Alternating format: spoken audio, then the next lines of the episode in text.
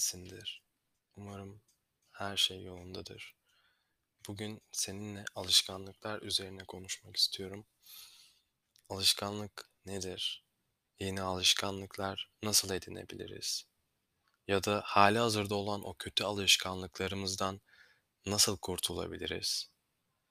Bu gibi aslında o küçük alışkanlıkların hayatımıza etkisi düşündüğümüzden çok mu daha fazla?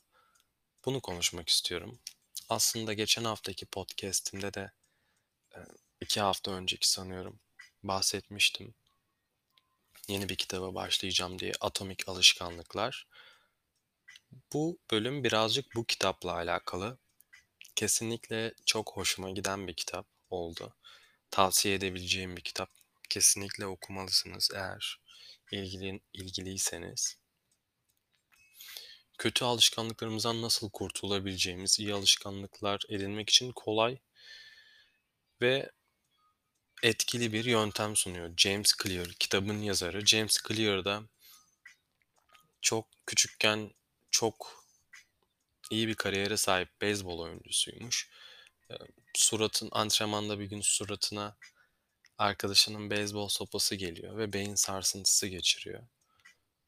O süreçten sonra bu beyzbol kariyerine geri dönmek için yaptığı ufak değişikliklerin gücüne inanmaya başlıyor ve bunların etkisini fark ediyor.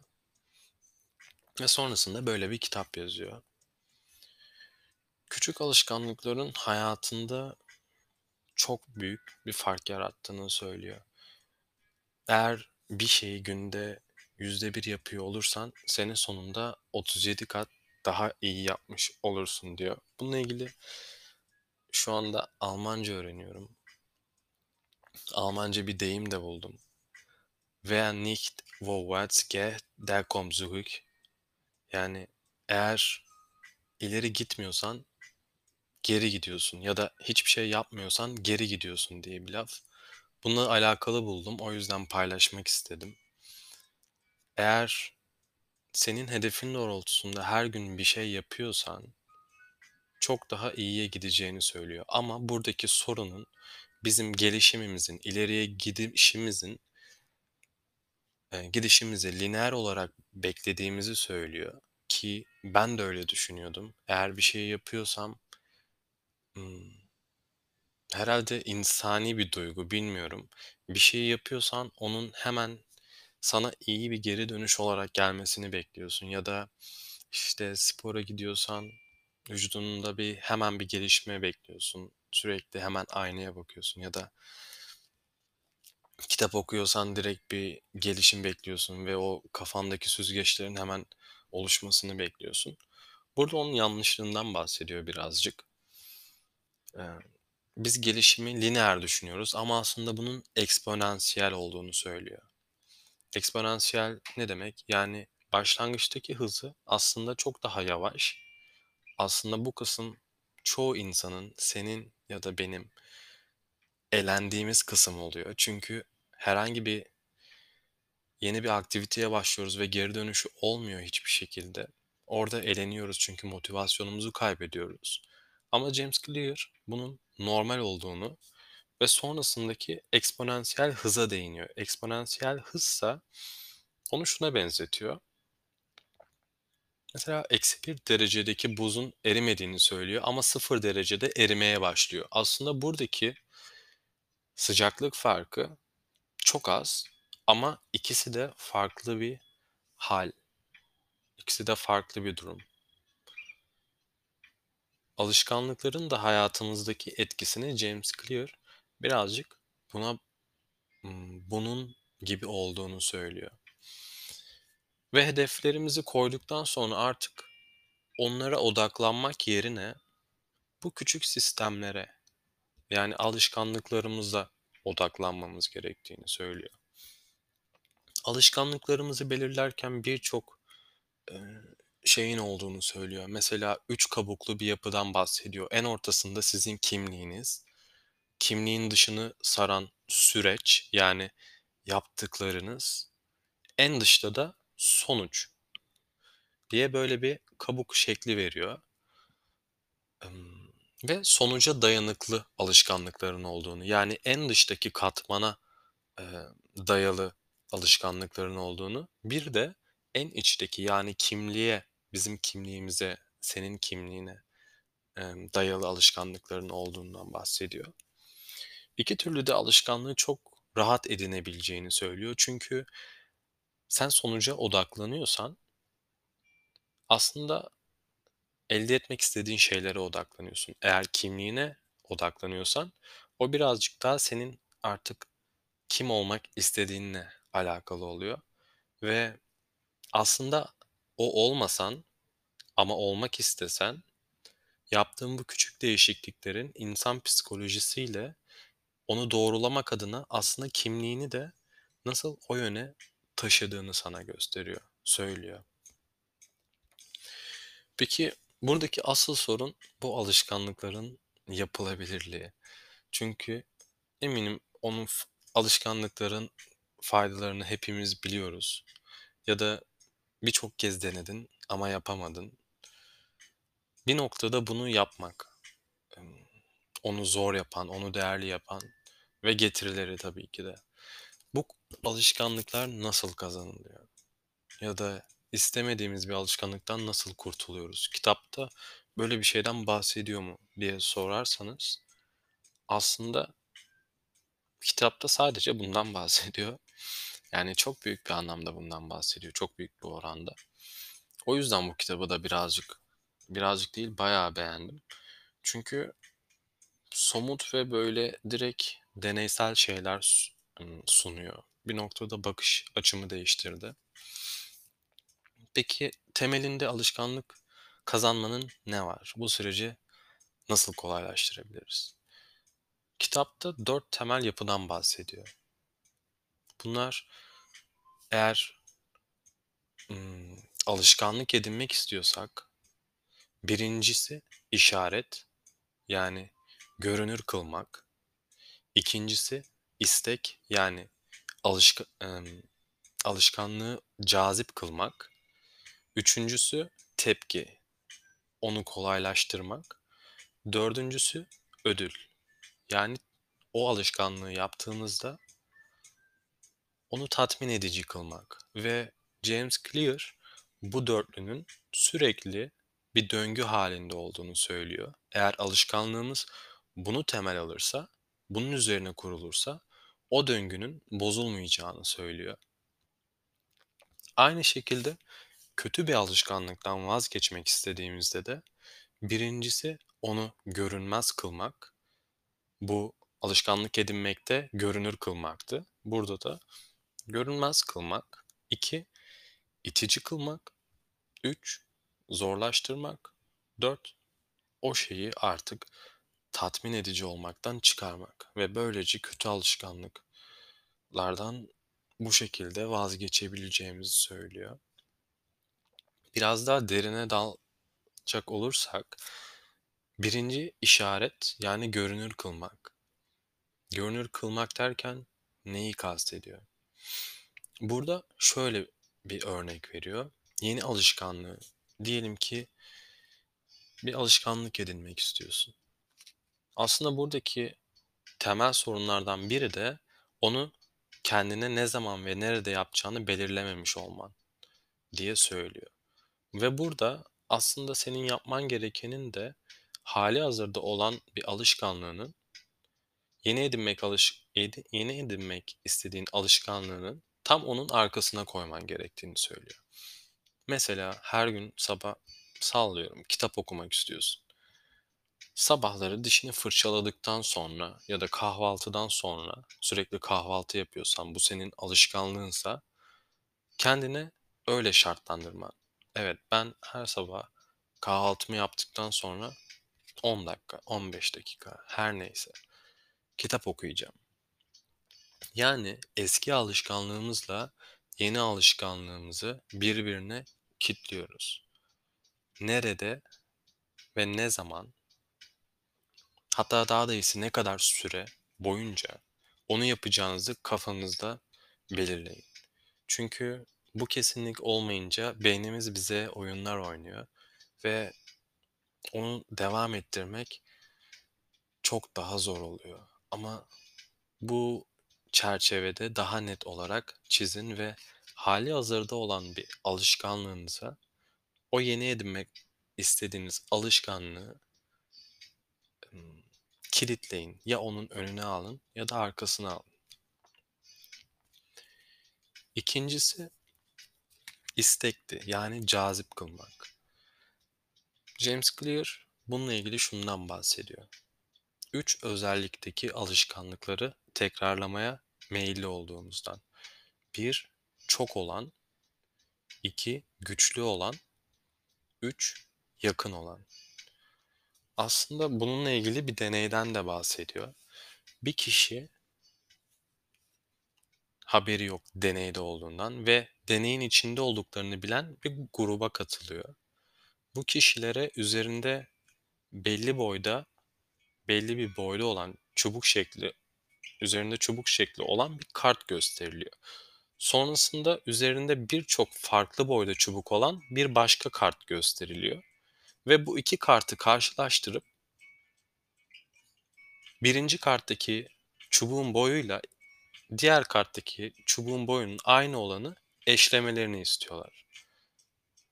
Deneyde olduğunu bilen grup üyeleri bu eşlemeyi yaparken deneyde olduğunu bilmeyen kişinin önünde bilerek yanlış olduğu bariz olan çubuğu seçiyorlar ve bizim o deneyde olduğunu bi bilmeyen saftirik aynı şekilde yanlış olduğunu bile bile hatalı olan çubuğu seçiyor.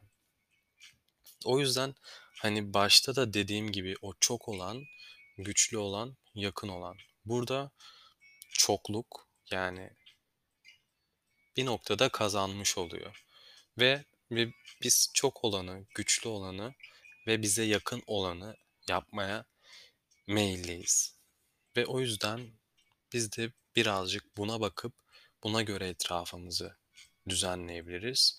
Bu da bizi birazcık, emm, bu şekilde düşünmeye itiyor ve 3. adıma itiyor. 3. adım da tepki. Yani o alışkanlığı edinmek istiyorsan kolaylaştırman gerektiğini söylüyor. Mesela kitapta şöyle bir örnek veriyor. Genelde kendimize hedef koyarken en yukarısına hedef koyuyoruz ve bunu eee, elde edemediğimizde, yaklaşamadığımızı gördüğümüzde çünkü oradaki iyileşme eksponansiyel, bahsetmiştim, lineer olarak düşünüyoruz ama öyle değil. Imm, bu maddede birazcık onu bölmemiz gerektiğini söylüyor. Nasıl? Şöyle, mesela kendini maraton koşmaya maraton koşmayı hedeflemiş birisi bunu şöyle bölmesi gerektiğini söylüyor. Çok kolay, kolay, makul derecede zor, zor ya da çok zor. Çok kolay olarak ilk önce bir koşu ayakkabılarını giy. Tamam, bu çok kolay. O zaman bir sonraki aşama, 10 dakika yürü. Her gün 10 dakika yürü. Maraton koşmadan önce. Tamam, bu da senin için çok kolay. 10.000 adım at her gün. Ya da bir sonraki aşama, belki bunları yaptıktan sonra 5 kilometre koşmak. Eminim ki mesela senin şu anda kafan ya da çoğumuzun, en başta benim de öyle kafam şuna çalışıyor: Ben maraton koşacağım. O zaman ben neden 10 dakika yürüyeyim? 10 dakika yürümek zaten çok basit. Bunu herkes yapabilir gibisinden geliyor. Ama aslında durum çok farklı. Bunu daha çok basit yapınca biz bu alışkanlığı tekrar tekrar yapabilecek derecede tutuyoruz beynimizi ve asıl kilit nokta, bizi yıldırmayan noktalardan bir tanesi o. O yüzden senin de öyle bir hedefin varsa ve alışkanlığın varsa, atıyorum, haftada 1 kitap bitirmek, onu bölebilirsin. Günde 10 sayfa de ya da günde burada günde 1 sayfa okusan bile makul olduğunu söylüyor James Clear ya da edinmek istediğin bir alışkanlığı günde sadece 2 dakika ayırsan bile okay diyor. O yüzden bunu kendiniz için kolaylaştırın ve mümkün mertebede görünür ve mümkün mertebede görünür kılmaya çalışın. Görünür kılmaktan da kastım yine şöyle bir örnek veriyor. Eğer kitap okumak istiyorsan her sabah kalktığında kitabını yatağını topladıktan sonra kitabını yastığının üzerine koy. Akşam geldiğinde göreceksin ki işte kitabın orada ve o seni bir noktada okumaya itecek ya da artık dışarıdan yemek söylemek yerine evde yemek yapmak istiyorsun. Ama mutfağa bir bakıyorsun, mutfak çok dağınık. Belki de yemek yaptıktan sonra artık mutfağı kesinlikle temizlemelisin ki mutfağı hazır ve temiz görünce yemek yapma isteğin gelecek. Bunun gibi küçük küçük şeylerle o alışkanlığı da elde etmek üzere kolaylaştırabileceğinizi söylüyor ki bence de mantıklı. Dördüncü aşamaya ödül dedik. Yani onu tatmin edici kılın. E, Bu noktada da şöyle bir şey öneriyor. Alışkanlığınızı e, takip edebileceğinizi söylüyor. Çünkü ilerleme duygusunun, o gelişmeyi görmenin insan üzerinde yadsınamaz bir tatmin edicilik duygusu uyar, uyandırdığından bahsediyor ve bunu da kanıtlıyor çalışmalarla. Ki bence de makul insanoğlu en azından ben bir gelişmeyi gördükçe o beni daha da motive ediyor. Bunun için de bilmiyorum alışkanlık türüne göre her gün çarpı attığım bir şey olabilir. Ya da spor yapıyorsan kilonu ölçmek olabilir. Aydan aya ya da sen nasıl istiyorsan. Bunu takip etmek ve onu görmek onun tatmin edici olduğunu söylüyor. Ama diğer bir yandan bu en büyük de düşman eğer bakış açın sabitse. Çünkü o ilerlemeyi görmedikçe de başlarda bu seni yıldıracak. Aslında bunu yap ama dünyanın en önemli şeyi de değil diye ekliyor. Çünkü buna takılmaman lazım diye ekliyor. Burada da şunu söyleyebilirim. Goldilocks kuralı diye bir kuraldan bahsediyor. Bu yaptığınız şeyin zorluğuna göre sizin alışkanlığınızın ne kadar süre devam edebilir, geliştirebilirsiniz. Bu ödül mekanizması yüksek kalır, tatmin edici kalır. Onu söylüyor. Bunda da yaptığınız işin zorluğu çok azsa, mesela az önce de örnek verdiğim gibi maraton koşma hedefi olan birinin sadece her gün ayakkabı bağlaması ya da sadece bilmiyorum ayakkabı bağlaması ya da bir dakika yürümesi her neyse çok kolaysa bu onda sıkılma durumu yaratacağı için motivasyonu otomatikman düşüyor ve alışkanlık edinemiyor. Diğer türlüsü de aynı şekilde. Çok zorsa kişi onu başaramadığı için maraton koşmak, bir ayda maraton koşmak. Onu başaramadığı için o onda bir başarısızlık hissi ve kesinlikle motivasyon kaybına ve alışkanlığın devam e, etmemesine yine bir sebep sunuyor. Bunun içinde Goldilocks alanı denen bir alan var. Tam bu ikisinin ortası. Senin şu anki durumun, gelişmişlik, gelişmişlik seviyen neyse tamamıyla seni ne çok kolay olacak ne de çok zorlayacak şekilde alışkanlık edinmeye çalışman ve onu hedeflemen. Bu alanda senin motivasyonun en yüksek olduğunu ve kendin için gelişmenin de en yüksek olduğunu söylüyor. Böyle bir kuraldan bahsediyor. Genel anlamıyla kötü alışkanlıklardan vazgeçmekte hepsine tek tek girmeyeceğim. Ama onlarda da dediğim gibi bunların tam tersini uygulayabilirsiniz. Kötü alışkanlıklardan vazgeçmek için bir, onu görünmez kılmak. iki onu artık itici kılmak. Üç, onu gerçekten zorlaştırmak. Dört, tatmin edici olmaktan çıkartmak. Ve genel anlamıyla da bahsetmek istediklerim bu kadar ama bu alışkanlık takibi yapmak, bu hedefe doğru gitmek ya da bir alışkanlığı yapamadığında, o gün tekrarlayamadığında o gün moralini bozmaması. Çünkü bunun sadece bir sayıdan ibaret ya da hayatın ondan ibaret oluşu değil. Sonuçta yin yang her şey bir dengede. Yoksa senin hayatın onu yapamadığın sürece mutlu olduğun bir hayata evriliyor. Ama burada olmasını istediğimiz ya da olmasını istediğin şey o değil. Bunun farkındalığında bulunman da çok önemli.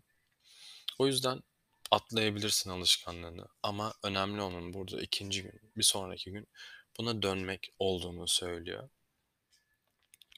Kitaptan da şöyle bir yeri okuyup yani Nietzsche'nin sözüyle de bir alıntı yapıp bu bölümü bitirmek istiyorum.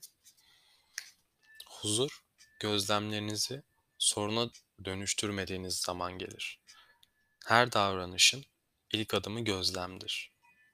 Bir işareti, bir bilgi kırıntısını, bir olayı fark edersiniz. Gözlemlediğiniz şeyden sonra eyleme geçmeyi arzu etmiyorsanız huzurlusunuzdur.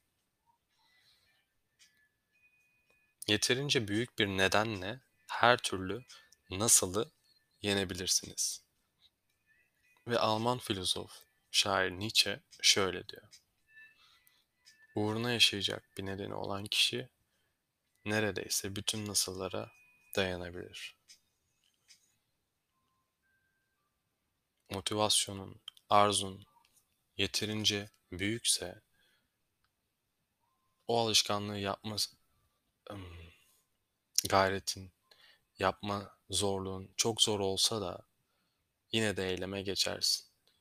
Yine bunu keşfedip sonrasında da bu söylediğim tekniklerle en azından bu kitaptaki kendi hayatına uygulamaya çalışabilirsin. Ama söylediğim gibi bu kesinlikle o alışkanlığı devam ettiremediğinde çok ya da tamamıyla başaramadığında seni mutsuzluk hali, huzursuzluk haline sokacak bir şey değil. Bu tamamıyla sana hizmet edecek bir şey. Bunları yaparken de kendinle barışık kalarak bunu nasıl sağlayabilirsin? Ona bak ve seni bu üzmesin ya da hayal kırıklığına uğratmasın. Çünkü hayat bir noktada bunlarla uğraşırken bir yandan da huzurlu olabilme. Yani hem rahat olduğun hem de gelişime açık olduğun bir yer. Bunları da öyle değerlendirirsen senin faydana olacağını düşünüyorum. Bahsetmek istediklerim bu kadardı. Bu bölümü kapatırken sen birazcık bu bölümden sonra kendi alışkanlıkların üzerine, bırakmak istediklerin üzerine ya da edinmek istediğin alışkanlıklar üzerine bu, bu çerçeveden biraz bakmayı deneyebilirsin. Ve gitmeden de bir kitap tavsiyesi bırakıp gideyim. Robert Cialdini'den İknanın Psikolojisi. Güzel bir kitap, bitmek üzere. Şu an severek okuyorum. Belki onunla ilgili de bir bölüm yaparım. Ama bundan sonraki bölümü belki felsefeyle alakalı yapmak istiyorum. Bilmiyorum sizden gelen istekler de genelde o yönde. Buraya kadar dinlediysen teşekkür ederim. Umarım bu anlattıklarım seninle rezone olmuştur ve faydalı olmuştur ya da yeni bir şey öğrenmişsindir. Hmm, umarım bakış açını değiştirebildiğin ve istediğin alışkanlıkları hayatına sokabileceğin bir döneme girersin. Ya da o yönde bir isteğin olur. Kendine çok iyi bak. Hoşçakal.